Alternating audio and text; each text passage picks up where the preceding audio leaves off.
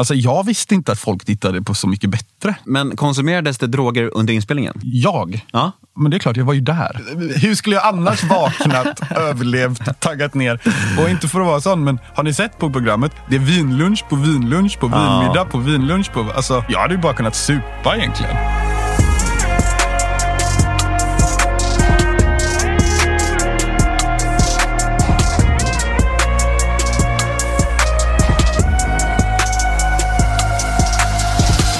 Ja, då kör vi ännu ett avsnitt av Hedman och Hedén, en beroendepodd. Du heter Nemo Hedén. Ja, och du heter Magnus Hedman. Ja, Gud vad mysigt att vi sitter här igen. ja det är faktiskt det. Hur mår du? Jo, men jag sa det till dig innan här, att jag känner, eh, jag känner vind i seglet. Jag känner att jag har tagit mig ur den här ganska tuffa vintern med, med separation och, och, och stress och, och ja, men ganska, ganska mörkt sinne. Jag känner att jag är på uppgång och eh, nu i nästan en vecka så har jag känt mig glad. Liksom, och, och, nej, men det känns hoppfullt och eh, Sen är jag ju jätteglad att jag får göra den här podden med dig, men just den här svackan har, har varit ganska tuff för mig. Mm, jag vet. Eh, Du har varit bredvid min sida, så du har ju sett det liksom på nära håll. Det är jävligt skönt att höra. Ja, som du säger, jag har hängt med. Men vet du, jag, en grej som är viktig som jag tror vi människor ofta glömmer. Det är lite så här, okej, nu har du haft en tuff period. Vad är det som har gjort att du har tagit dig ur den då? Och, och vad, hur har du tänkt? Vad har du gjort? Vad kan du ta med dig längre fram i livet när nästa tuffa sak händer? För mig har det varit superviktigt att prata med folk i min närhet om det här. Om mina känslor och om att det faktiskt är tufft just nu.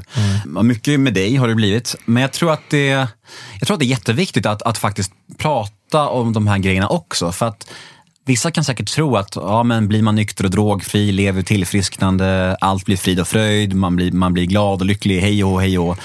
Visst, i början, en period i början så känner nog många så för att man har funnit ett, funnit ett nytt sätt att leva. Liksom. Men sen efter en tid, alltså livet kommer ju alltid vara livet. Det kommer gå upp, det kommer gå ner och det kommer komma prövningar. Och då är det viktiga tror jag att sitta lugnt i båten, att använda sina nära och kära och att veta att eh, det kommer att bli bra snart igen. Ja, viktigt att eh, inte hålla på saker själv. Det är ju det egentligen, om man tittar på deprimerade män, nu, nu upplevde inte jag dig deprimerad, men, men alltså depression leder ju oftast, eh, alltså om man jämför det med beroendesjukdom, det är väldigt likt. Man slutar ta hand om sig själv, man slutar höra av sig till folk, man vill inte prata med människor, man skäms, man drar sig mer och mer tillbaka. Och det blir bara des- mer och mer destruktivt eh, av eh, ens egna tankar. Så jag, ja, men vad härligt att höra och, och eh, fint att du har så mycket människor runt omkring dig som du kan prata med också. Verkligen. Och det är verkligen sådana här situationer som jag har gått igenom den här vintern som jag skulle knarka och supa på förr i tiden. Till Ja. 100 procent. Ja, alltså, ja. Förr i tiden så använde man ju alla anledningar till att eh, supa och knarka. Om man var glad, om man var ledsen, om man hade motgång, om man hade medgång. Ja, men det hade väl räckt om du missade tunnelbanan precis då. Ja, eller, om jag hann, eller om jag hann med tunnelbanan. Alla orsaker. liksom. Verkligen. Men, men eh, det är skönt att man kan hantera problemen på ett annat sätt idag. Liksom. Mm. På ett mognare sätt och sundare sätt. Eh, Ja, det är ju det, precis som du säger, att man, det är klart att man får en kick när man blir nykter och drogfri. Eh, Men sen kommer livet alltid att finnas och det kommer att ge oss utmaningar. Och idag lever vi livet på livets villkor. Ja, Ja, bruk- livet är rättvist. Så är det verkligen. Ja. Och idag så har vi ännu en gäst, en fantastisk gäst. En artist som eh, vi båda känner lite grann. Mm. Han är väldigt, väldigt härlig och jag tycker vi ska plocka in honom. Ja, vi gör det blixtsnabbt. Det gör vi. Ja. Ja, välkommen in i rummet, Albin Lee Meldau. Hej, hej. Tack så mycket. Tack så mycket. Tack, tack. Tack så Välkommen. mycket. Tack så Tjena. mycket gubbar. Tack. Hur mår du? Jag mår bra. Jag mår bra. Känns som, en, Frösen, men bra. känns som en brand new man tycker jag. Du sitter i träningskläder, du har linser. Man bara, Vad var händer? är den här singer-songwritern med glasögon? Och... Var är bibliotekarien som min kompis sa? Ja, nej, men... ehm, nej, jag vet inte vad jag håller på med. Jag har bara tänkt att nej, det här, så här, jag, kan, jag blir så uttråkad av den här pandemigrejen. Ingen jobb och så, så jag tänkte, men vad vill jag göra då? Jag vill nog eh, röra på mig. Och bara, så blev det ett beroende direkt. Och nu är jag fast och har köpt alla typer av grejer som ni kan tänka er. Lägger du ut på Instagram och sådär och visar förändringen hela tiden? Alltså, sådär också, jag eller? vill, men eh, nej, jag, jag vet inte. det är också en fara det där med Instagram. Jag försöker tona, ta, ta det där ganska lugnt. Alltså, så att det inte, jag har till och med ett sånt här eh, skärmtidsapp. Liksom. Mm. Nej, den, den, den killen vill jag nog inte vara. Mm. Jag eller, eller, eller vill jag det? Du vill det kanske, men det kanske är farligt för dig att vara. Ja, nej. nej, jag, jag vet inte. Jag bara... Sen det här, eh, det är ju ett år nu. Det är klart, jag har fått jobba lite så. Jag var i London någon månad när det öppnade upp och jag gjorde några sådana lite mindre gig ett tag. Men det är, alltså, jag har ju aldrig varit med om något liknande i, i, i mitt liv av, av att sitta hemma liksom. Och eh, jag är sån, jag kan inte inte göra något. Jag har ingen diagnos, men jag har ju det. Vet jag med, men jag kan inte sitta still. Jag blir, det är farligt för mig. Liksom. Men hur Och- tänker du kring eh, alltså, framtiden för hela din yrkeskår och för dig personligen? Är du orolig eller vad tänker du? Alltså, det är en väldigt svår fråga. Hela min yrkeskår vill jag inte ta och svara för. Nej, men, du, du förstår eh, vad jag menar. Men eh, ja, det kommer att ta tid. Det här kommer inte lösa sig så snabbt som folk tror. Och även om det gör det så kommer det vara annorlunda. Men jag är optimistisk. Jag menar, det finns få saker som vi inte kan flytta ut i liksom, på internet. Liksom. Och livemusik är väl en av de få grejerna, så det kommer ju bli ett uppsving tror jag. Sen så tror jag att den här pandemin får mycket gott med sig. Liksom, att man, folk har gått tillbaka känns det som. Och tänkt, vad är viktigt för mig? Och tacka gud så är jag ju nykter idag så jag kan liksom välja att göra det som är bra. Typ. Vad, är, vad är det jag inte har gjort innan? Tagit hand om min kropp. Om då gör jag det ett tag nu. Se om det var någonting för mig. Och det var det. Eh, men om det hade varit förr då hade jag ju bara kraschat totalt. Hade gått åt skogen. Så det kommer gå. Det som är viktigt för dig måste inte vara positivt eller negativt. Alltså, det behöver inte vara bra för dig heller. Vad var det som var viktigt för mig förr? Jo, men det var att knarka i min ensamhet. Va? Och många kommer ju säkert gå under i det här. Men många kommer också få sig en sån reality check. Vad var viktigt? Vad, vad var viktigt egentligen? Liksom? Och jag tror faktiskt att min, min, min yrkeskår är väldigt viktigt för många människor att få gå på livemusik. Så det är det är kul. Jag tror så precis som du säger, jag tänkte bara på det suget själv. Liksom, att efter att gå på konsert, festival, alla de här det, det kom, de kommer ju vara Matcher. totalt slutsålt Oj. direkt alltså, när det väl får göra det. Ja, fotboll Ja, och hockey och allt vad det är för någonting. Men, men allt det där äh, får ju människan idag att, precis som du säger, att uppskatta. På ett helt annat Familjen har jag ju liksom. typ aldrig uppskattat innan upptäckte jag nu. Nej men det har jag faktiskt inte. Nej. Mm. Eh, det har man tagit för givet liksom. De har ställt upp och man har, det har varit som att liksom man känner sig duktig när man åker ifrån föräldrarna för att man har sagt hej. Liksom. Nu Mm. är det så att jag faktiskt saknar mina föräldrar. Och Men det där är så en massa lur- fina grejer som har kommit. Alltså. Det där är så lurigt det där, att ska det till en pandemi för att man ska uppskatta artister eller, eller fotbollsmatcher på riktigt liksom. Det är ungefär som, att- det är ungefär som att, ja, men vi säger att jag kanske häromveckan hade tandvärk i några dagar. Och sen går det över och tänker jag så här, Gud, jag måste ju verkligen uppskatta att inte, Inte ha tandvärk. Och då går det en dag, sen har jag glömt det. Men det är ju, det är sådär, och så där är det ju ofta. Om man tittar på varför börjar eh, män 50 plus och börjar träna? Ja, det är när de har fått sin första hjärtinfarkt. Det är då man börjar ta hand om sig. Alltså det är väldigt mycket sådana saker som det krävs någonting för att man ska göra någonting annat. Eh, och, och jag menar i det här fallet, jag menar, tänk, tänk bara att bara få gå ut. Att få träffa sina arbetskamrater. Att börja uppskatta vem man jobbar med. Liksom. Att, att få gå ut och äta och få sitta kvar till efter klockan åtta. Ingen bestämmer hur länge jag får vara ute. Alltså, det är så otroligt många saker som, som vi kommer att eh, tycka är fantastiska igen. Det, är, det blir ju lite så här på nyttfödelse för många människor tror jag. För, för, för de flesta. Jag tror inte alltså, de grejerna också som var helt onödiga. Jag tror inte de kommer tillbaks. Vad är det då? Ja, men alltså, det är ju dumt för mig att sitta här och säga vad som är onödigt. Men till exempel här då. Jag tror till exempel inte att, nu säger jag inte att det är onödigt, men jag tror inte att bio kommer att repa sig. Nu kommer de liksom, folk är vana vid att köpt fet biostation, alltså hemmabio, du vet, och de är vana vid att få den direkt upp och det kommer bli svårt att repa liksom. Det kommer de inte lösa, tror inte jag. Så vissa grejer kommer vara för evigt borta. Liksom. Men just det som inte går att byta ut, nära och kära, liksom, um, live eh, konst. Så det är både fotboll och musik och allt vad det är. Liksom.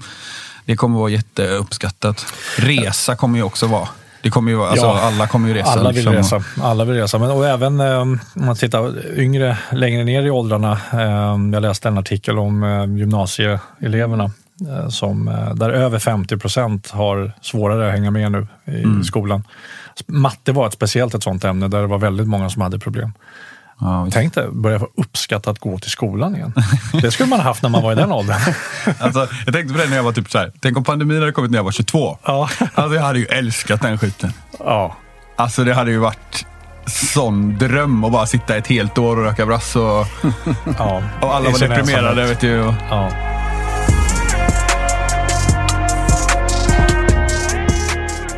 Vi är mycket glada och mycket tacksamma över att denna podd görs i samarbete med Carry. Och vad är Carry, Magnus? Carry är ju, eh, dels är det ett community med, eh, där medlemmarna har någon form av relation till beroende, medberoende. Ehm, det kan också vara så såklart att du är med för att du är nyfiken och vill se hur, eh, hur folk skriver och pratar om det och så vidare. Så att en, en väldigt hjärtlig, ärlig community skulle jag säga. Det finns också en väldigt massa övningar för dig som eh, behöver göra någonting nytt i ditt liv som har kört fast. Eh, och det här är ju relaterat till beroende. Eh, den är gjord av eh, folk som har beroende själva. Och jag tycker att de har fått med väldigt mycket bra saker. Väldigt mycket. Och jag, jag är själv inne ofta och tittar på community och det är så att kraften i att känna igen sig i någon annans story är så, så stark för en beroende människa. För att vi känner oss oftast ensamma och som de enda i världen som har de här problemen. Men att få se andras utmaningar och andras sätt att, som de gör för att eh, få ett bättre liv är eh, någonting väldigt, väldigt fint. Så jag skulle säga att ett riktigt ärligt community. Ja, jag tror många upplever att det är en ganska stor tröskel till eh, att gå på ett möte eller att eh, mm, gå på behandling eller vad som helst. Ja, att ens erkänna att man har ett problem. Exakt, och då kan man gå in på Carry och läsa andras historier och prata med andra som har liknande situationer. Och verkligen mycket igenkänning och mycket ärlighet och det, är, det är unikt. Och det är en app och den stavas hur då? C-A-I-R-Y och det är helt gratis. Ja, vi syns på Carry. Tack Carry! Berätta för oss, hur, hur började ditt liv? Oj, ja, nu, får vi, nu ska vi gå tillbaka på riktigt här nu då. Jo, jag föddes eh, 1988 på en tisdag i, på Sahlgrenska i Göteborg. Eh, En ganska normal unge tror jag. Det var inget speciellt konstigt. Föräldrarna skilde sig och tyckte aldrig bra om varandra. Det var väl där det började tror jag. Och, eh, men det gick ju bra sen. Jag, fick, eh, jag har en bror som är två år yngre än mig. Och sen så har jag två bröder till på varje sida då av de nya relationerna mina föräldrar skaffade. Och det är jag ju jävligt glad för. Jag var nog ganska glad eh, fram tills tioårsåldern. Så här. Bra barndom. Jag bodde på landet hos min morsa varannan vecka. Hos farsan i stan. Spelade fotboll, hockey, bandy, pingis, alla sporter. sådär. Classic så här, medelklass. Lant. Det är inte landet, det är typ som Vallentuna. Lite utanför Vallentuna skulle jag säga. Kungsbacka kommun i Göteborg. Det var väl bra. Ehm, men ändå så var det en sån här utanförskapsgrej. Att man inte passar in liksom. Att man inte riktigt duger, kommer jag ihåg. Jag, kommer, jag, jag har inget minne av att jag var mobbad så.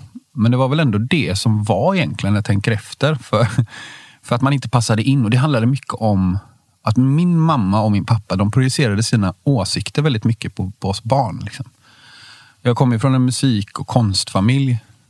Väldigt uttalad så här, vänsterfamilj. Liksom. Alltså, det, var, det var nästan extremt vänster när jag var liten. Alltså, eller det var extremt vänster. Nu är det ju inte det längre. Nu finns det bara Coca-Cola och storbilds-tv. Och hela grejen. Men det var väldigt mycket den grejen. Och Kungsbacka kommun och Åsa, där jag bodde när jag var liten. Det är ju typ Danderyd liksom. Så man var ju alltid fel. Jag hade ju passat bättre i, i stan, fattar jag nu. Liksom. Eller min mamma, men min mamma flyttade till min mormor som hade ett stort hus. Det var så, det var så vi hamnade där. Men det, alltså det låter ju som att jag gnäller, men det var mycket det som var liksom. Typ att eh, det var inte rätt. Man var inte rätt liksom. Och då fick man skaffa sig andra skills för att eh, vara rätt. För jag hade så dålig självkänsla så jag ville ju alltid vara i mitten. Liksom. Och så är det fortfarande. Liksom, så.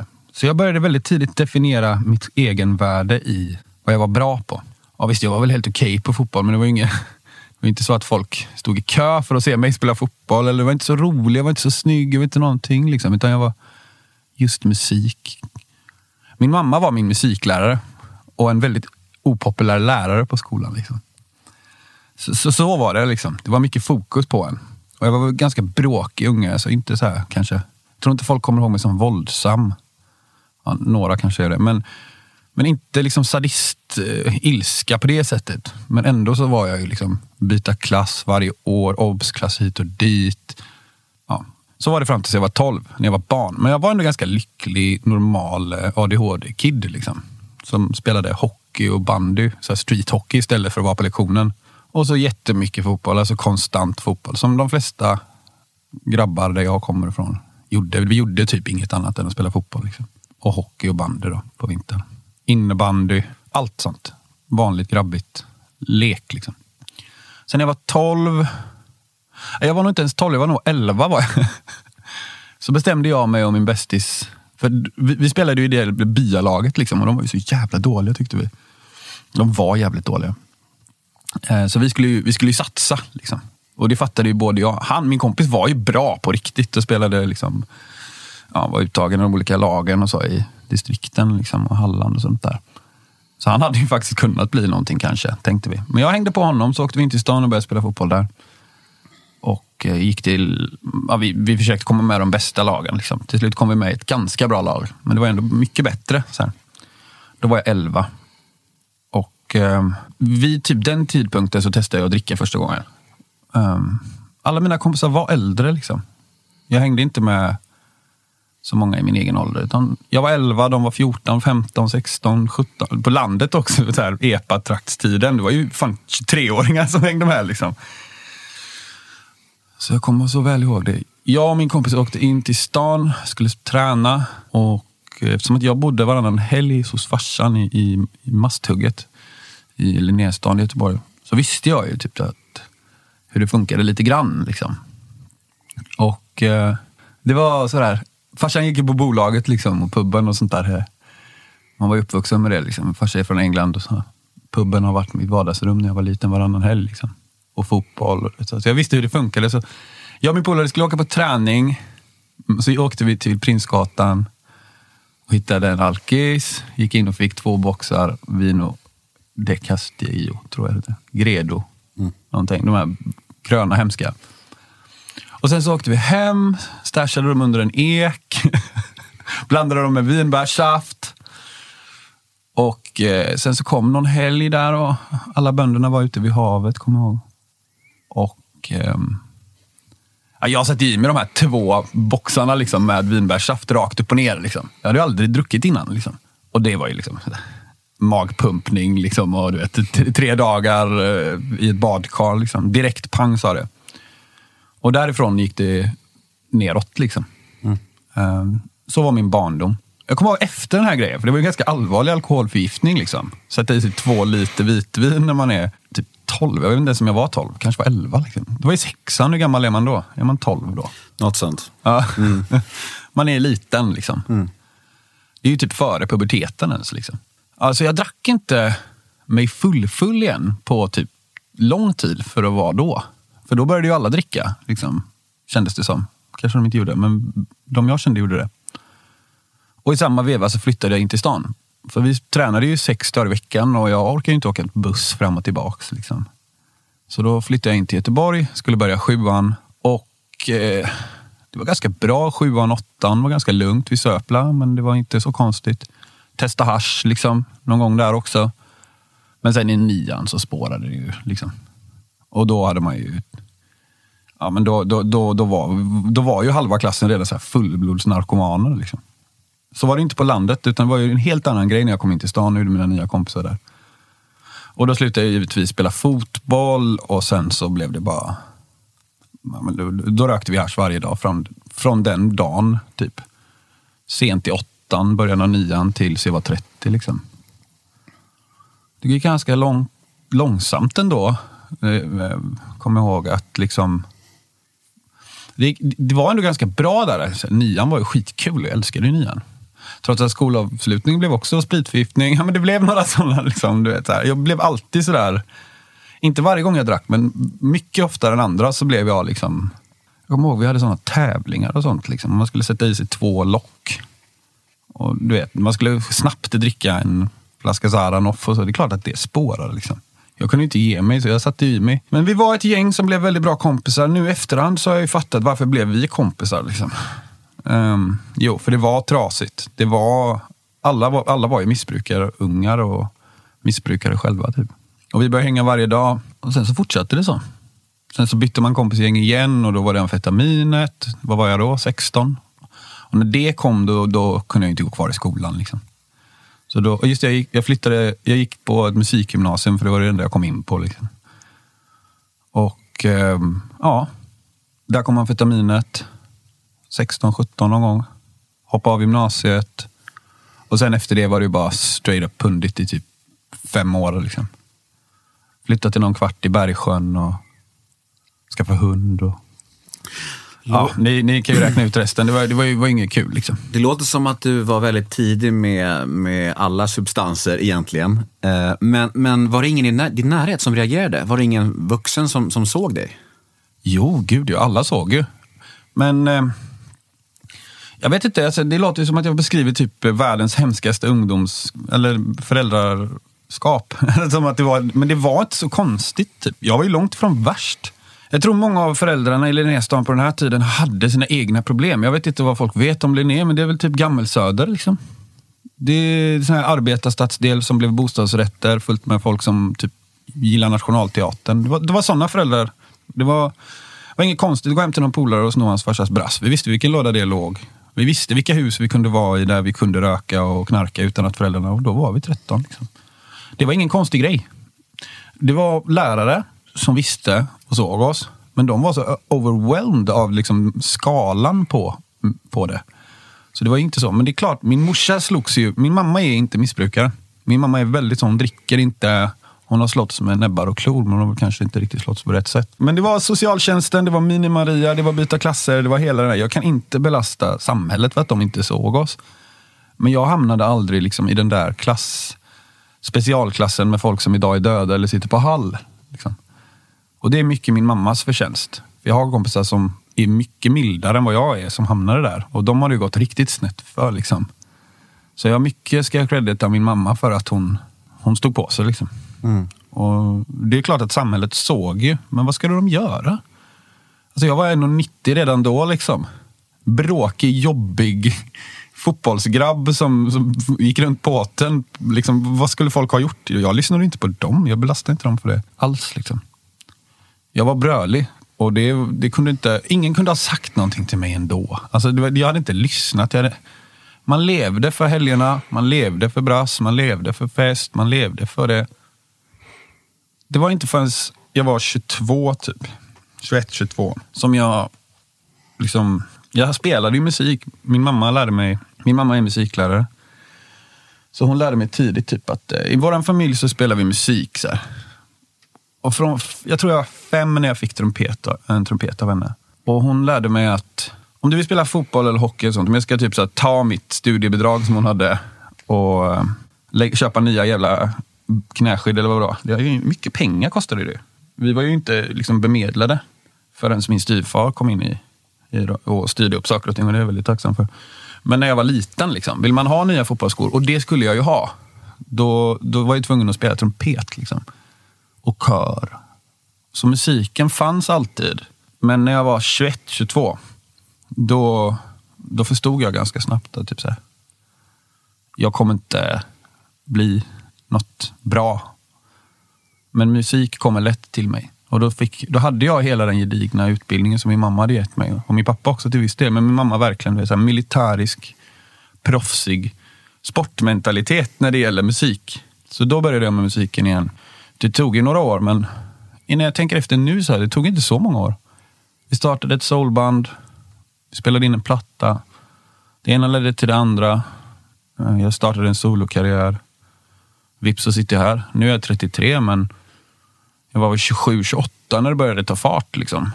Och jag startade soulbandet när jag var 22. Så musiken är ju det som har gjort att jag har hittat ett syfte och typ en disciplin. Liksom. Eller många bitar. Men var det, var det lätt eller var det svårt att kombinera ett eh, missbruk som ändå eskalerade på ett visst sätt eh, med, eh, med musiken. Nu är det en bransch där man ändå kanske kan komma undan med det till viss del. Jag vet inte, eller hur var det för dig? Mm, alltså, jag hör ofta folk som bara säger, ah, fan vad hemskt det har varit och det har varit så jävla jobbigt och det har det. Liksom. Men jag måste också komma ihåg det som har varit bra med, med missbruket. Och, alltså, knarket gav mig möjligheten att sitta i mitt jävla kök och repa. Liksom. Jag vill kanske inte säga mer än så, men jag levde ett traditionellt eh, socialbidragsliv. Liksom. Eh, fan, det var, det var så jag levde. Liksom. Samhället betalade för mig att sitta i mitt kök och, och, och jobba på min konst. Liksom. I början gick det bra. Alltså, det fanns ingenting bättre. En, en vanlig dag för mig från 18 till eh, 30. Nej, inte 30, för då hade jag redan stuckit ut i världen. Men till, till 27, 28 var liksom vakna på morgonen, gå ut i köket, mecka en joint, sätta mig på stolen, dricka kaffe, köta skit med min inneboende, ta upp gitarren, sitta där fram tills jag vet inte, när man gick ut och käkade lunch eller vad fan man nu gjorde. Men så såg det ut liksom. Och det var inte svårt att kombinera. Det var typ ett sätt att sitta ner och, och göra det man gör. Bara. Jag spelade ju band. Och alla rökte överallt. Det var framförallt cannabis som var min... Visst, vi höll på med grejer på helger och vi drack bärs, men det var inte ett stort problem eh, på den tiden. Det, det var senare det flyttade ut. Liksom. Då var jag väl typ 28, 27 någonstans. Nej, alltså det var helt normalt. Alltså alla, alla de här människorna som jag hängde runt med, det var typ reggae-folk, du vet, hiphop-folk. Men mycket också så här proggare, liksom. proggungar. Verkligen. Det var ingen konstig grej liksom, att alltid röka brass. Du. Och jag gick ju på ett musikgymnasium också. Så här. I Angered. Det hör ju ni själva. Det var inte så att vi hade, gick på svenska lektionen. Liksom. Utan vi gick ut i parken och rökte brass. Sen gick vi in och spelade bas. Liksom. Det var... Det var, det var, det var, det var, det var liksom ett... Eh, en naturlig del av musiken.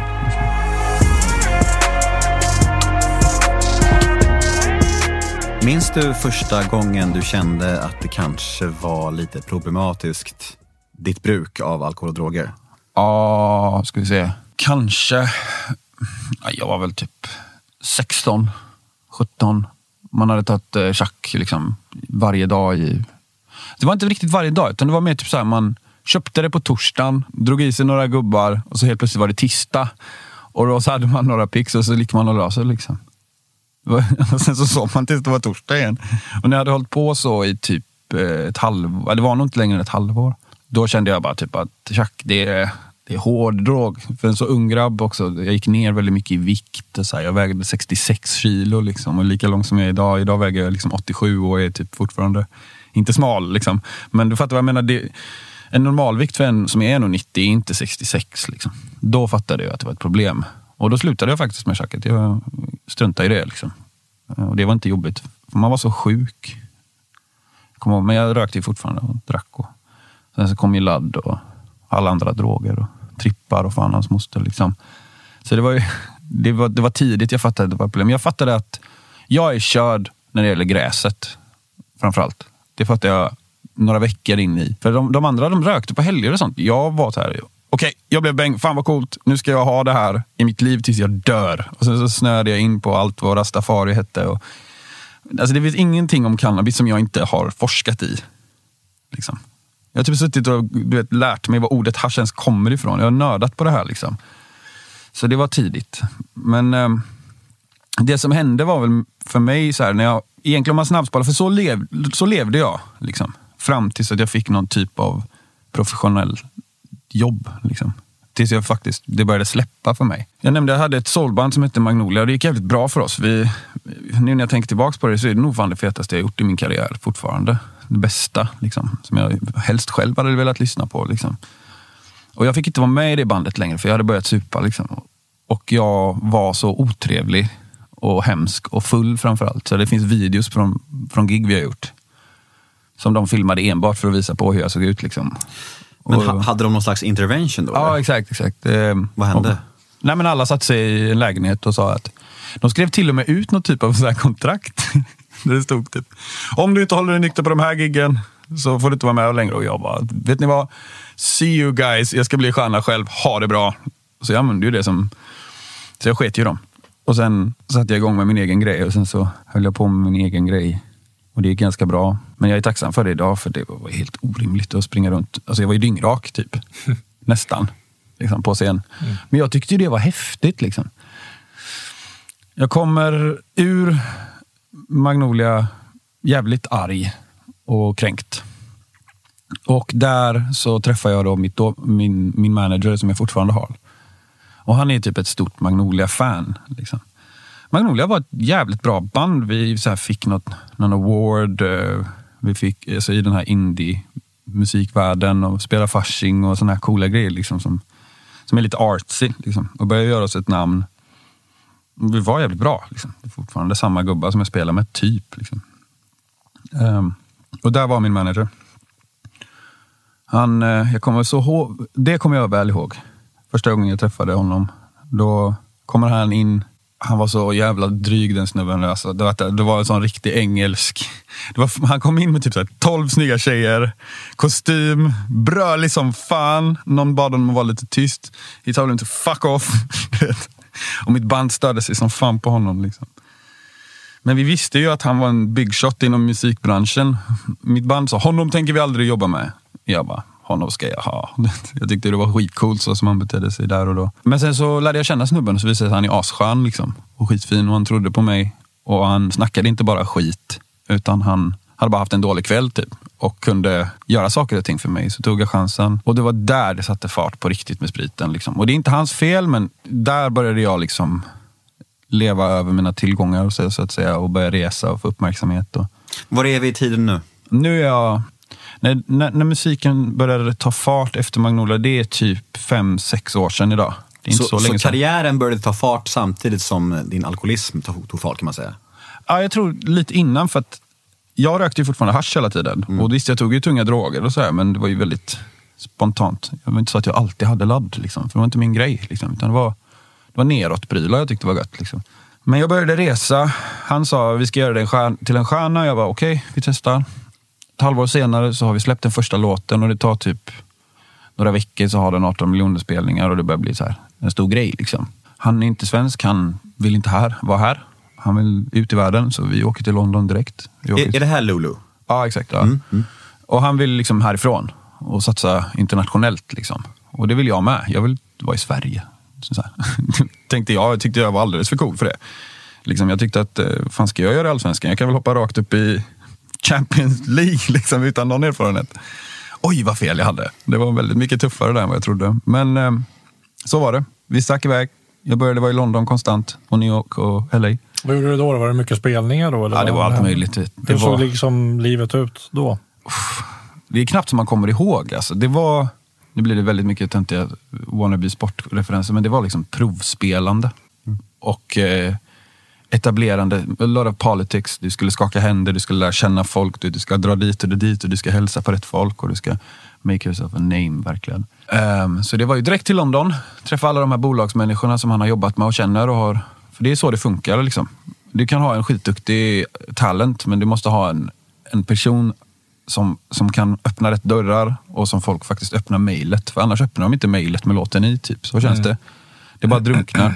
Så det, han, blev, det, han, han var den personen. Så han tog mig till London. Vi började jobba. Det gick jävligt bra. Jag började göra riktigt stora sessions. Och efter ett tag i London och LA, men framförallt i London, för det, var, det är där fortfarande jag jobbar mest. Där är det så här. Jag var van vid att åka till Danmark var och varannan vecka. Liksom. Jag var van vid Köpenhamns brasskultur. Alltså, det, var, det, var, det var så mitt liv hade sett ut. Men i London så är det inte så. Det är, alltså, det är svårare att hitta något bra att röka än vad det är att... Eh, typ, alltså det är skitsvårt. Det, det är skitdåligt att röka. Alla vill bara blåsa dig. Och jämfört med, för det är så, Danmark, nu, nu blir jag så här drogliberala, men Danmark är liksom det landet där folk röker mest hasch i världen. De röker mer än marockaner. Liksom. Och de är helt tokiga. Jag vet inte hur de får in allt sitt hasch, men det är ju liksom en stor halvlaglig operation. England är inte så. Utan du behöver åka liksom från ena delen av London till någon annan del för att möta upp någon snubbe i en taxi. Liksom. Det är lika långt som att åka härifrån Karlaplan till Norsborg. Liksom. Det, det, det, och när du kommer fram är du besviken om du är svensk. Så jag orkade inte mer. Tyckte inte det var värt det. Så jag började ju bara gå rakt på puben istället. Liksom. Och kokain gick att köpa på... Vart jag än var så var det ju delivery inom två minuter. Liksom. Och billigt och bra. Liksom. Så det, det var ju då det började. Men jag fortsatte röka ändå. Sen så kom jag till LA. Jag var i LA mycket. Jättemycket, hela tiden. Det var hårt jobb. Alltså man, man jobbade 300 dagar i månaden, eller om året. Flyger överallt hela tiden. Ingen sömn, ingenting. Skitdeppig, mår dåligt, allting. Liksom helt krossad. Dålig ekonomi hade jag också. Du vet, jag levde över mina förväntningar. Alltså man lånar ju pengar i början. Av bolag och, och så här publishing. Så jag var ju hela tiden in debt och nojig över det. Liksom, och det. Så jag bara åkte runt som en spoling. Alltså, åkte överallt. Tog alla jobb du kan tänka dig som jag kunde få. I typ två och ett halvt, tre år. Och ungefär då så hände något. Jag var i LA. Jag fick börja göra lite större sessions. Jag fick göra lite coolare grejer som jag tyckte var väldigt häftigt. Så en dag så fick jag jobba med en sån här världsberömd hiphop-producent som, som har liksom gjort alla de här grejerna som jag växte upp på. Liksom. Och så kom vi hem till honom. Han hade en, en stor mansion med brudar, hundar, vapen.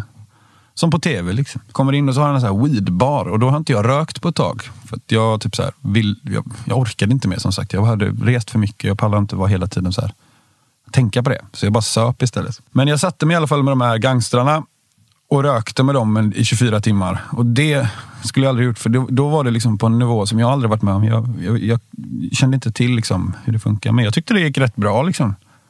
Vi rökte väl liksom konstant i några timmar, 12 timmar.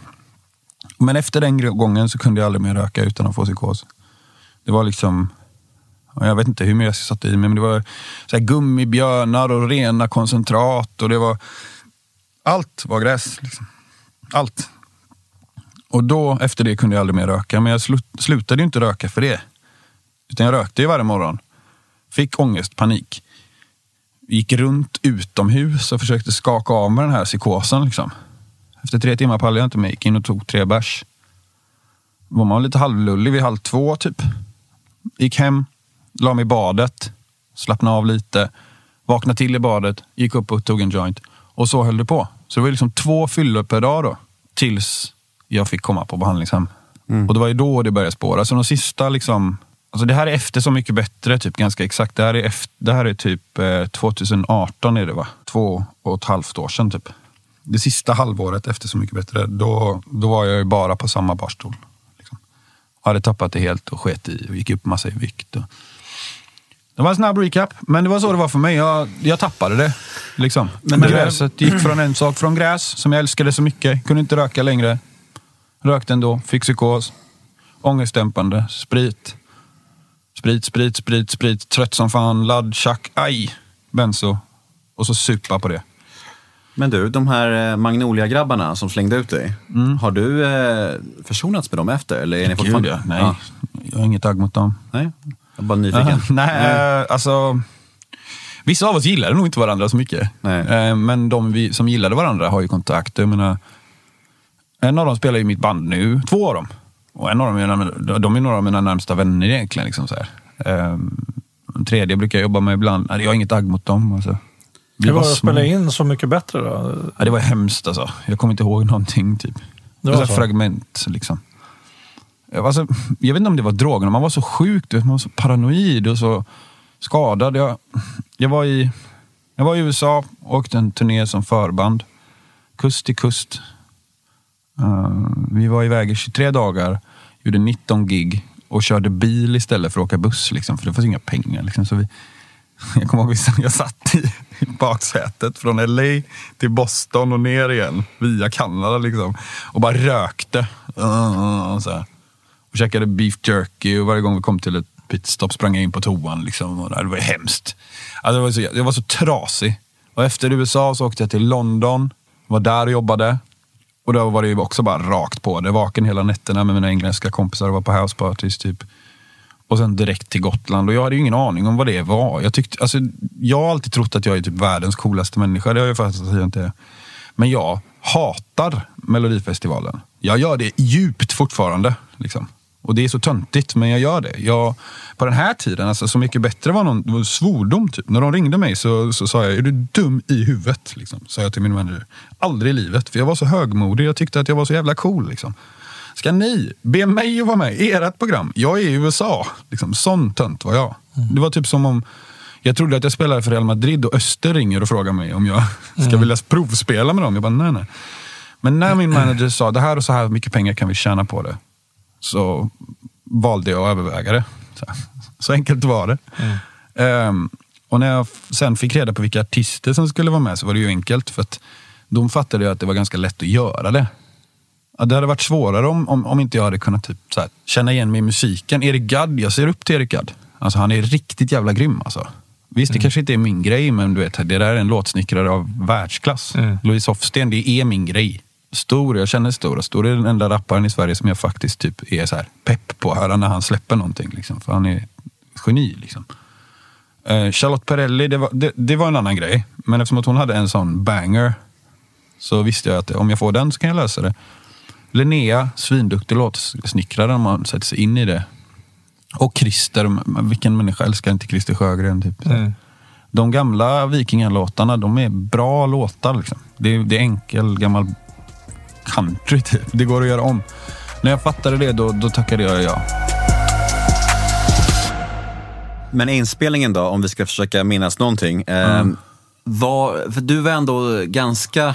Det var ändå liksom slutetappen av ditt missbruk då, typ. Just under den här perioden kan man säga. Ja, det är sista halvåret, året. Så. Ja. Var, var det ingen liksom producent eller någon som bara så här, hur mår du egentligen? För du var ganska kastskick då ju. Alltså man så, jag tycker inte att jag såg så jävlig ut. Nej, nej, nej, nej, nej, nej, det, tycker, det tycker inte jag heller. Men jag menar med... Men du måste komma ihåg en sak Nemo. Det, musiker är galna som det är. Det Ja. finns bara ett skrå som jag upplevt är ännu galnare och det är skådisarna. Alltså det, det, det är ingen, nykter eller inte, som inte lider av en grov andlig brist. De är vana vid det här alltså. Det är inte så att jag kommer in där som helt okänd och de bara wow, vad är det här för ufo? Utan de är ju vana, inget ont om mina kollegor, men jag har aldrig sett en större andlig brist än backstage på Grammy-skalan. Och de här människorna är nyktra. Alltså det, de, de, det är ingen skugga ska falla på programmet. Och det är ett tv-program. Ni har ju båda erfarenhet av tv. Då, vad bryr sig tv-program om? Tittare. Ja. Och vi är inget annat än, än någonting man använder sig för av. För att, för att få tittare. Så ingen skugga ska falla över dem. Men ja, de började så här. Ställa fram mindre vin och du vet, så här, jag fick en rejäl utskällning för att jag var svinbäng. Liksom. Men, men konsumerades det droger under inspelningen? Jag? Ja. Men det är klart, jag var ju där. Ja. Annars överlevt. Jag vet, jag vet väl inte. Du menar att jag skulle ha hållit mig nykter då? Jag vet väl inte. Ibland, Ja, vet. ibland Ja. behövs tydligheten bara. Ja, men, vad- hur skulle jag annars vaknat, överlevt, taggat ner? Och inte för att vara sån, men har ni sett på programmet? Det är vinlunch på vinlunch på Ja. vinmiddag på vinlunch. På, alltså, det, det, jag hade ju bara kunnat supa egentligen. Det hade funkat bra, men jag behövde vakna, jag behövde somna. Det var, att det var så mycket bättre, det var ingen skillnad för mig. Jag hade just varit kust till kust. Liksom. Så jag, det, var, det var ingen grej. Och jag fattade inte vad det innebar. Alltså jag visste inte att folk tittade på Så mycket bättre. Jag, jag, jag var ju förnärmad när de närmade sig mig. Liksom. Så att för mig var det ingen större, större fråga. Men de som var där försökte hålla koll på mig och göra sitt absolut bästa. De var jättefina mot mig och jättesnälla. Och they saved my ass. Ni kan ju tänka själv. Jag är helt väck. Psykotisk, full och bakfull, påtänd och totalt paranoid. Jag kommer ihåg att jag låg i min säng där inne i huset och trodde att de hade riggat kameror överallt. Och liksom, du vet. Det är sån kolanoja liksom. Kolla, eh, sån var jag. Hur kunde de här psykoserna yttra sig? Ja, allt möjligt alltså. Hur kunde de inte yttra sig? Det, det var väl allt. Liksom. Men framförallt bara ett generellt jävligt vidrigt mående. Jag pratade med en snubbe om det faktiskt. Han, han frågade mig häromdagen om jag kände igen mig i hans beteende. Och det gjorde jag ju verkligen. Jag kommer ihåg att man mådde så jävla dåligt över sin egen uppenbarelse. Ska vi se om ni känner igen det också. Att jag tog min hand och slog mig själv i huvudet så här. Jävligt mycket, jävligt ofta. För att få bort liksom ångesten. Det var liksom standard mode. Det hände liksom varje dag. Och så kommer ens tjej eller ens morsa eller någon annan som är nära som bara tar ens hand och bara nej, nej, sluta, sluta, sluta. Liksom. Så, så yttrade den sig oftast. Hur, Men, lång, den, men den kunde yttra sig på värre sätt också. Liksom. hur lång tid var det från eh, Så mycket bättre tills du hamnade på behandlingshem? Det var inte länge. Alltså. Det var samtidigt som det rollades ut. Um, Och vad hände? Hur hamnade du på behandlingshem? nej, men um, alltså, eftersom att jag var så högmodig och inte fattade vad Så mycket bättre var. I min egen fantasi så var jag ju redan en världsstjärna. Liksom. Så hade jag ingen aning om vad offentligheten var för någonting. Jag trodde bara att jag var stor. Men när jag började förstå att folk faktiskt vet vem jag är nu. Folk började komma fram på gatan och sånt. Och jag kunde nog inte ta det riktigt. Alltså, och nojan över... Alltså jag trodde ju att all skit som jag hade ställt till med från 16 års ålder skulle liksom rullas upp i pressen och sånt. Och det gjorde det väl också i och för sig till viss, men på ett annat sätt än vad jag trodde. Liksom. Alltså jag var ju i en spökvärld. Alltså jag trodde ju liksom att nu kommer det gå fullständigt åt helvete för mig. Liksom. Um, och jag kände mig som en stor bluff. Och, ja, det var väl det. Alltså, typ, det var läskigt. Liksom. Och speciellt, det var ganska äckligt. Typ, så jag kommer ihåg, de var jävligt elaka mot Christer av någon outgrundlig anledning. Och pressen var jävligt hård och vidrig och man blev tjock shoppad och folk skrev skeva grejer och det kom dödshot på Instagram och det var massa märkliga grejer. Så man var ju rädd. Liksom. Så, så, så, så upplevde jag det. Och jag fattade inte vad det innebar att vara i pressens skottlinje förrän jag var där själv. Men det, det gick ganska snabbt att släppa det. Liksom, så här. Men, Men var det, eh, skulle du säga att pressen, alltså media och det du fick höra utifrån, att det blev så påtagligt så att du kände att du kan inte fortsätta så här? Var det en, var det en faktor för att du tog hjälp? eller? Nej, absolut inte. det var det inte. Jag, eh, nej, alltså det var bara att jag började supa mer, mm. knarka mer och bete mig ännu sämre. Liksom. Mm.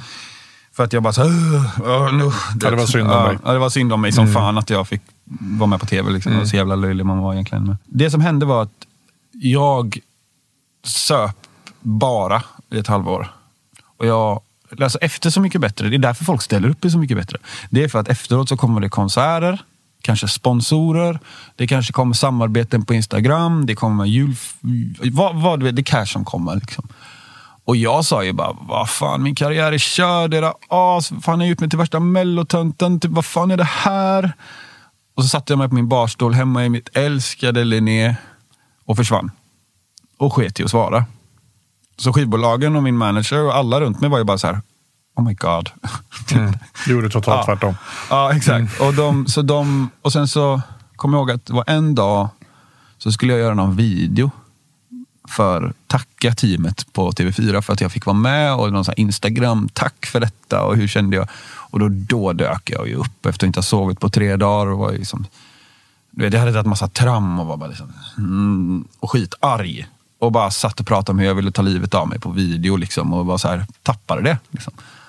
Och efter det så bestämde de sig för att... Eh, ja, just det, jag beskyllde dem för mitt eget självmord, kommer jag ihåg. Mm. så jävla dum i huvudet. Uh, för mitt eget icke-existerande planerade självmord. Att de skulle allt komma ihåg hur det hade gått för andra artister. Och liksom, mm. det gjorde skammen alltså. Och då så tog de tag i mig och sa, nu har vi köpt en behandling till dig. Om du inte åker på den så kommer så här och så här många kronor inte att bli dina. Och jag har alltid varit en människa som, jag trodde att jag sket i pengar men nej. Jag ville ha betalt. Jag, vet, jag, ville, jag hade redan gjort Så mycket bättre. Jag hade redan gjort skivan. Jag hade redan rest över hela världen. Efter tre och ett halvt års stenhårt arbete. Så här, jag, jag tänkte inte... Jag trodde redan att min karriär var typ över, så att jag ville ha pengarna. Liksom.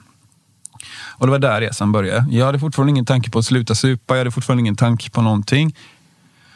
Utan min tanke var ju, nu ska jag vinna förtroendet, jag ska clean up lite. Och det var också ganska skönt. Jag var ju sliten. Alltså, och jag var också, hade också börjat liksom supa och ta benzo i, i tystnaden. Liksom. Och det, jag har lite kompisar som har dött av den. Så jag var ju lite nojig så. Så jag tänkte, ja, men då kan jag lika gärna åka iväg.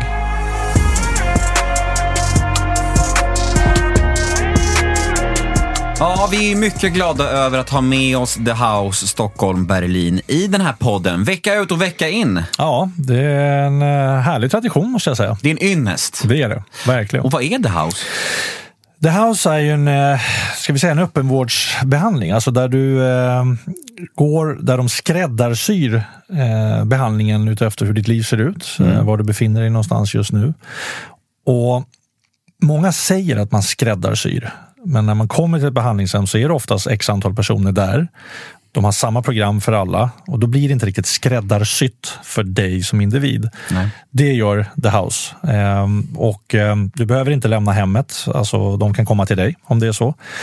Men ehm, sen finns också om det är så att du måste verkligen iväg från hem, familj, du måste få ett cleant break, så har de eh, en, eh, ett hus där de kallar för private house, där mm. du då bor eh, och eh, får behandling på plats där. Så det, det är en, liksom, eh, en väldigt genomtänkt behandling och sen vet både du och jag att de har de vassaste terapeuterna som vi ja, känner. Exakt. Det är ju Robert Boman som grundade The House och han har hjälpt både dig och mig mm. så att vi kan intyga att man är i goda händer. Ja, och det, det de använder sig av det är ju evidensbaserat så att eh, det är liksom inget hokus pokus eller påhitt utan det här är på riktigt. Och om man har frågor kring The House-behandlingar eller kring beroende eller kring medberoende, då kan man mejla dem, eller hur? Det gör man till sandra at thehousestockholm.se. Kanon. Tack The House! Tackar! Men du, du har ju varit på samma behandlingshem som jag och Magnus har varit på. Ja. Berätta, hur upplevde du behandlingen? Fan vad man jag hatade det alltså. Tills jag helt plötsligt var jättetacksam. Första dagarna jag kommer dit, eh, det är typ fyra pers där. Alltså personal, allting. Alla är proffs. Det finns inget att klaga på. Det var ju superfint liksom. Men jag var ju så jävla hemsk. Och arg och vidrig så som jag kommer ihåg det. Men jag bara jiddrade med allt och alla. Ja. Var, jag tyckte att det var en massa jävla borgerliga vinkärringar som satt där och gnällde över sina problem. Och fan, har ni ens... Har ni inte freebasat era jävla borgare liksom? Sådana saker sa jag bara. Jag bara fittade med, med allt och alla. Liksom. Men var det som att en polett föll ner en plötslig Ja. dag, eller? En dag så, en dag så föll plötsligt, då blev jag så deprimerad. Alltså. Då var man nära på bara, kommer du ihåg att det var ett tåg utanför? Jag bara, shall I or shall I not? Det, det var där liksom. Jag bara pendlade, ska jag gå ut och ställa mig på tåget, tåget här eller ska jag kriga liksom? Och det var, det var inte jättelångt ifrån att man faktiskt gick ut säkert, men det gjorde jag inte. Utan jag bestämde mig för, nej vad fan, så här kan du inte lägga, så här kan jag inte sluta. Det, det funkar inte. Jag ger det här en chans. Liksom. Paletten trillade ner, jag blev svindeppig. Ehm, bestämde mig för att stanna kvar. Det tog typ tre veckor av behandling där. Sjukdomsbegrepp, sjukdomsbegrepp, konsekvens, konsekvens, konsekvens, konsekvens. Och då fattade jag att eh, antingen så... Det finns två vägar. Antingen så går du och ställer det här på tåget, tågrälsen eller så gör du detta. Det kan ju i alla fall inte bli sämre än vad det är nu. Va? Du pratar om att du blev eh, jättedeppig när poletten föll ner. Hur lång tid var det från eh, den här deppigheten tills du började känna lite ljus? Ljuset kommer, alltså, det kommer lite, lite i taget hela tiden. Det tog nog inte många timmar faktiskt. Mm. Eh, Det, var någon, det var en snäll dam där med rolig dialekt typ. Mm. Tog det- pyttelite ljus liksom. Men ordentligt ljus, det var, det var faktiskt eh, lite mindre än ett år sedan. Typ. Tog tills jag började känna att det här är ganska soligt. Liksom. Eh, det var nog i somras faktiskt. Som jag kände att nu är det nog ganska, fan, det är ganska gött att leva. Typ, så här, fan. Här sitter jag på en strand själv naken i tre veckor. Asgött liksom. Då var det soligt. Men det går upp och ner. Alltså. Det, och nu är det inte soligt. Nu mår jag absolut inte bra. Det gör jag inte. Men alltså, att jag ens andas är helt fantastiskt. Liksom. Och det kan jag bara ge credit till Ja, så Gud sa som jag uppfattade honom, att han ville rädda mig, men också arbetet jag har gjort. Liksom. Um, hade, det varit, hade jag inte kommit på behandling där, hade jag inte gått rakt upp på skivbolaget och skällt ut dem och hotat med att ta livet av mig, så hade jag inte hamnat på behandling. Då hade jag suttit... Antagligen hade jag blivit arbetslös för länge sedan, för jag hade spårat så mycket. Liksom. Folk var ju rädda för mig. Liksom. Typ, inte för kanske att jag skulle skada dem, men för att jag skulle skada mig själv. Alltså hade jag inte tagit den hjälpen som, som erbjuds där och det hade kommit en pandemi och jag hade dålig ekonomi och jag ska ut och jobba, men jag vet inte om jag får jobba. Och, du vet, om då, jag hade inte löst den här pandemin då. Det var också så här, den här ensamheten, vi säger ju att det är en ensamhetens sjukdom och det, det, det är det ju verkligen. Man blir ju ensam oavsett om man har miljontals folk runt sig. Och jag var inte ensam. Jag har haft förhållanden hela tiden. Jättefina tjejer som har orkat med mig. Föräldrar som har stöttat mig. Investerare och du vet. Allting. Men jag var så ensam. Jag tyckte så jävla synd om mig själv och jag var så jävla ensam i bördan att vara jag. Liksom. Så jag klarade inte av mitt liv. Liksom. Det var helt ohanterligt. Men du har varit nykter sedan behandlingshemmet? Ja, Ja. Hur lång tid är det? Vad är det nu? Det är, det är den 25 november 2018, så det är två år och tre månader. Va? Mm. Grattis! Tack så mycket. Ja. Jag kom dit den 20 november 2017 Ja. till samma behandlingshem. Så Men- jag tyckte det var fantastiskt där. Men det du beskriver där också tycker jag är intressant. När poletten trillade ner och du fick depressionen eller du började må jäkligt dåligt och inse. Det är ju där man brukar prata om den emotionella botten. Och där kanske den kom lite för dig. För man, ofta när man pratar om den här emo- emotionella botten så är det oftast avsluta livet eller inte. Så var det för mig. Jag vet inte hur det var för dig, men det är många med oss. Man, man når, ett, man når en, en, liksom en plats i, i, i livet emotionellt där det finns ingen utväg. Den Nej. enda utvägen är att ställa sig på tågrälsen. Eller så väljer jag livet. Det finns inget annat. liksom. Men det finns ju verkligen en ambivalens i det här poletten faller ner-ögonblicket. Mm. Det kan jag verkligen känna igen. För att, för att å ena sidan så känner man, eller så, så kände jag att shit, när, alltså när jag fattade att jag hade beroendesjukdomen, Mm. för det var samma sak för mig, det var på behandlingshemmet. Jag fick det här sjukdomsbegreppet förklarat för mig, en polett föll ner och jag bara okej, jag har den där. Och det var en otroligt omskakande, traumatiserande och mörk stund. För jag kände att jag kan inte supa och knarka någon mer, det livet är slut. Livet är slut, typ så kände jag. Ja. Men då är det liksom så här, okej alternativet nu är att fullfölja det här som de föreslår. Eller liksom skita i allt. Det är liksom där jag står. Och då, får man, och då valde jag, och uppenbarligen du också, att faktiskt gå in i tillfrisknandet. Liksom. Men den där stunden när man faktiskt inser, alltså, den är ju så jävla omskakande och, och tuff alltså. Ja, det var ju Ja, den är ju dödlig för många. Ja, alltså det var ju, men jag Tyvärr. hade någonting, och det, jag vet inte om ni känner igen er, men jag tror det. Liksom, jag tycker väldigt synd om de människorna som inte kan vara ärliga mot sig själva. Du vet, och, och det där liksom, som man har fått lära sig.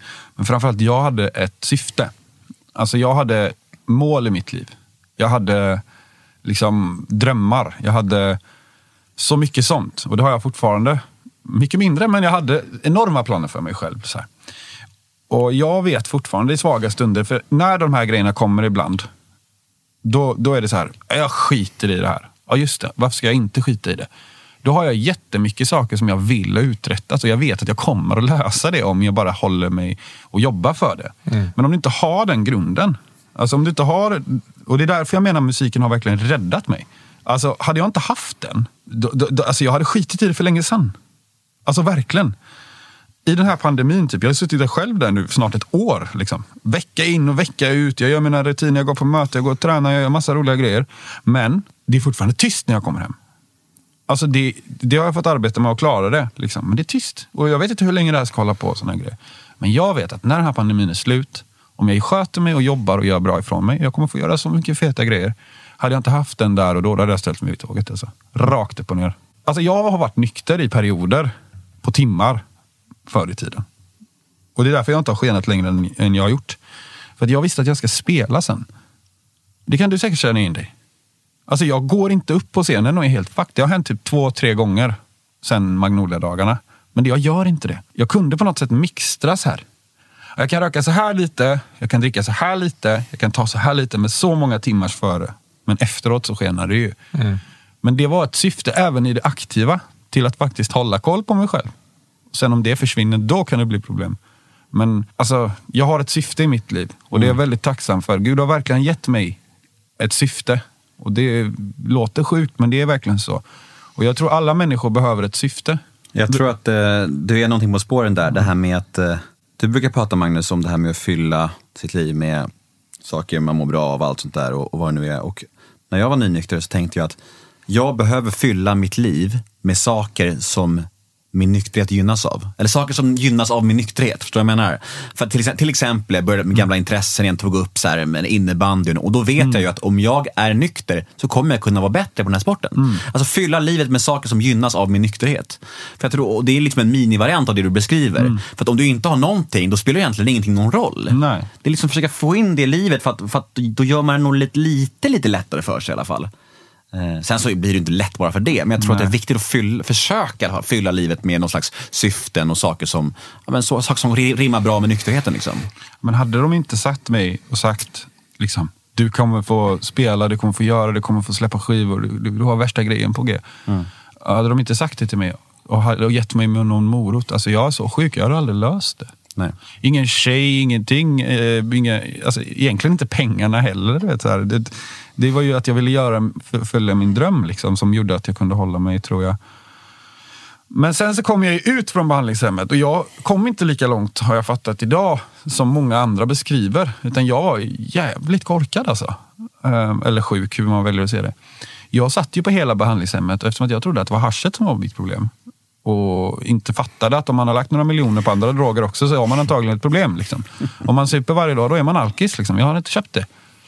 Jag hade inte fattat att det inte spelar någon roll vilken drog jag tar. Att jag får mer för och mer ändå. Utan jag, jag trodde att jag skulle kunna fortfarande åka till typ så här norra Italien och glida runt och ät, dricka vin och käka pasta. Liksom. Så, så jag hade det ändå bak bakhuvudet, typ att eh, ja, vi ska aldrig mer röka hasch. Liksom. Vi ska aldrig mer, så. Men eh, jag kommer ut från behandlingshemmet. Jag vågar inte åka hem till Göteborg.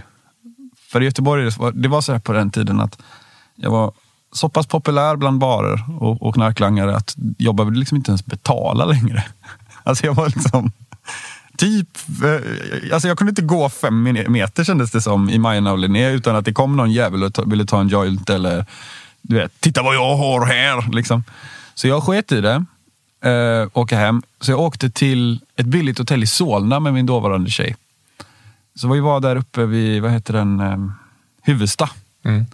Och eh, vi var uppe på hotellrummet. Det var typ 3 januari efter nyår. Vi skulle umgås. Jag hade just kommit ut från behandling. Och vi började bråka direkt och det var dålig stämning. Jag ska gå ner och...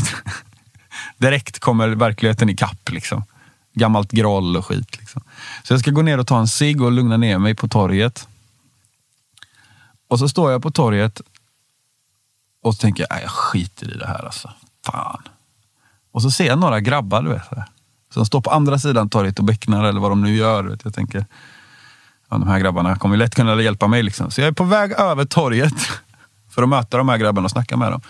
Och från ingenstans så kommer det ett annat grabbgäng och bara slår ner dem. Jätte, jättesjukt var det. Mm. Från ingenstans bara kom ett annat gäng och bara bam, bam, bam. Det blev värsta slagsmål. Jag bara oh shit. Och sen så gick jag upp på, på rummet igen och då, efter det så har jag inte haft ett så svagt ögonblick igen. Det var då jag fattade att okej, okay, du har just kommit ut från behandling. Du har längtat ut. Du, du vill vara med den här kvinnan. Hon älskar dig, du älskar henne och du klarar inte ens av ett litet groll.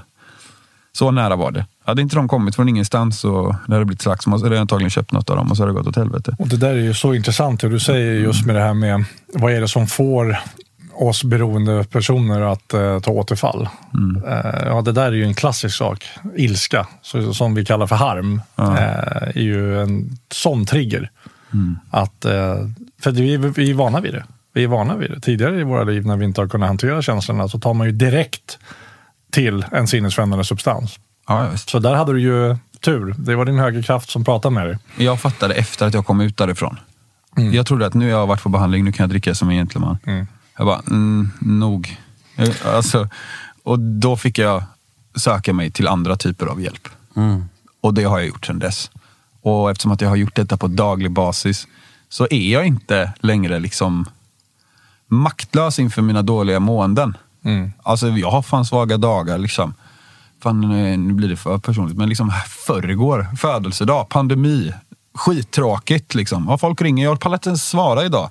Typ, ah, grattis, jag går på automat, automatiskt. Sluta, jag stänger av luren bara. Jag skiter i det då. Men fick jag en återfallstanke? Nej, vilket är helt otroligt. Mm. Men jag vet att jag kan inte må så där som jag gjorde häromdagen. Imorgon också. Jag får inte må dåligt. Jag måste varje dag göra allt jag kan för att må så bra jag kan. Mm. Liksom. Och det går inte att göra det själv och det går inte att göra det när man sticker huvudet i sanden. Liksom. Så det, alltså det är det enda jag kan säga till någon som lyssnar på det här. Så här det, för mig går inte det här själv. Det är därför jag sitter här med er idag. För att någon där hemma ska lyssna på det här och känna igen sig och vilja söka hjälp. Det finns massa sätt att söka hjälp. Det gäller bara att vara öppen för dem. Mm. Mm. Och Det är det viktigaste för mig idag. Alltså typ, sitt inte där med ditt eget dåligt mående och vänta på att det ska gå över. Rörelse. Ja, jag mår dåligt över att jag väger typ 10 kilo för mycket bara på magen. Vad ska jag fixa det? Hur ska jag fixa det? Det finns bara ett sätt att fixa det. Mm. Svårare än så behöver det inte vara. Med alla typer av problem. Frågan är bara hur gör man? Ensam är inte starkast. Så är det. Det är hemskt. Du, vi börjar närma oss slutet av den här trevliga podden. Mm. Stort, stort tack Albin. Ja, tack det här var. Det var riktigt, fint. riktigt intressant. Och, och tack för att jag fick vara här. Fan, jag är säker på att du kommer hjälpa många med det här. Och härligt att du mår som du mår, även om du har dåliga dagar. För ja, det är väl bara alla. ett tecken på att vi är människor. Ja. Precis som vi sa i början av podden. Också. Exakt. Kommer du ihåg det? Det är en timme sen, Nemo. Ja, det är över. Har, du, har jag tjatat i en timme? över en timme. Jag var orolig för 20 minuter, hörde du det? ja, nu, har ni, nu har ni startat. Men ska gå. Hey, vi, får inte, vi får inte missa vårt uh, härliga segment. The House svarar, där uh, Robert Boman uh, svarar på en av uh, era frågor. Och vi kör!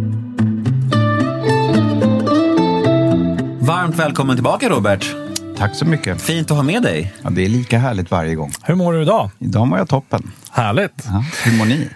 Eh, vi, Ja, vi det har vi pratat om. Ja, men vi, vi, Ja, men det har inte jag hört. vi, mår, vi mår så jävla bra alltså. Ja, nej, men idag är vi på topp. Det här är alltid ett eh, uppskattat eh, avsnitt eh, när vi slipper bara titta på varandra, du och jag Nemo. Mm, stämmer. Ja. Ska vi hugga in i frågan? Absolut. Hej! Jag har hört att ni pratat om själviskhet och självcentrering, att det är roten till era problem. Vad menar ni med det? Det är en komplicerad fråga och det står så, det som du precis läste, det står i AAs stora bok som den kallas för, att självisk och självcentrering är roten till våra problem. Och vilket jag också tror, men, men den här själviskheten och självcentreringen är framförallt styrd av rädslor. Det är rädslor som ligger bakom den.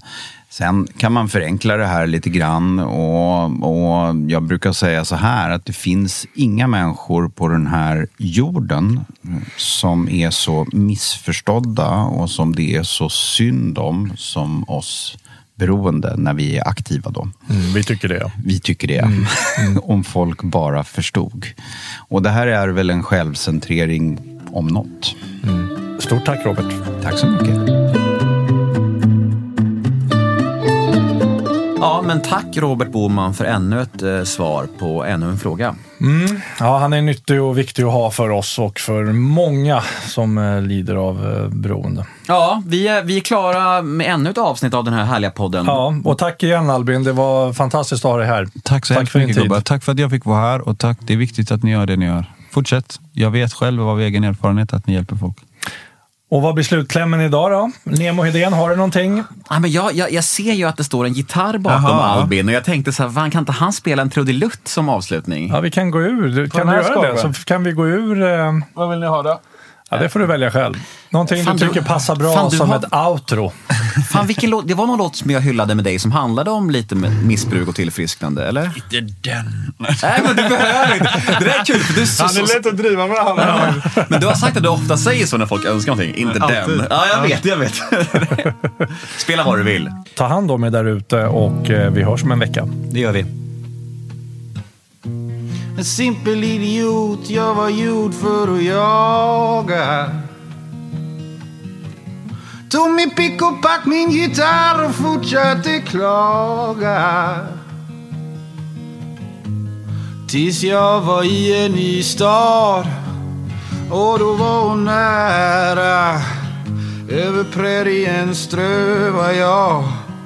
Hon sa ligg ner min kära och kom för mig älskling. Men lägg upp dem nu. Kryp sen tillbaka till där du var förut.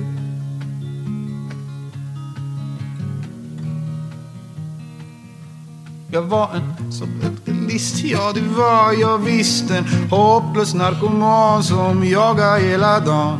Barn av och ty, kom inte hit för ni vet att eran förebild han stinker ladd och sprit. Och tandköttet blöder men hon kallar mig fräsch. Håll hårt fast i något som det är dig kärt. Men akta dig för eldvattnet min vän för du vet att sirenen ljuder igen. Och kom för mig älskling.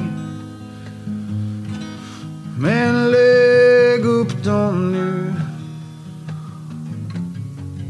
Kryp sen tillbaka till där du var förut.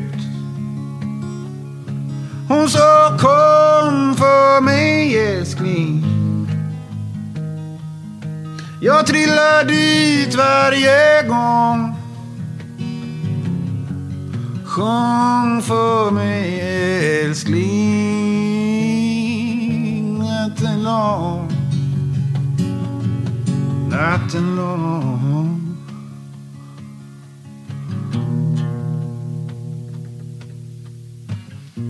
Hon sa du är en vacker man och jag är ensam hemma. Säg vad mer behöver vi än en, än en säng och en femma så, så kom nu än en gång Lägg upp den natten lång och sjung din klagosång Be din bön där en annan gång och kom för mig älskling. Men lägg upp dem Ibsen tillbaka till där du var förut. Hon sa kom för mig älskling. Jag trillar dit varje gång. Kom för mig älskling. Natten lång. Natten lång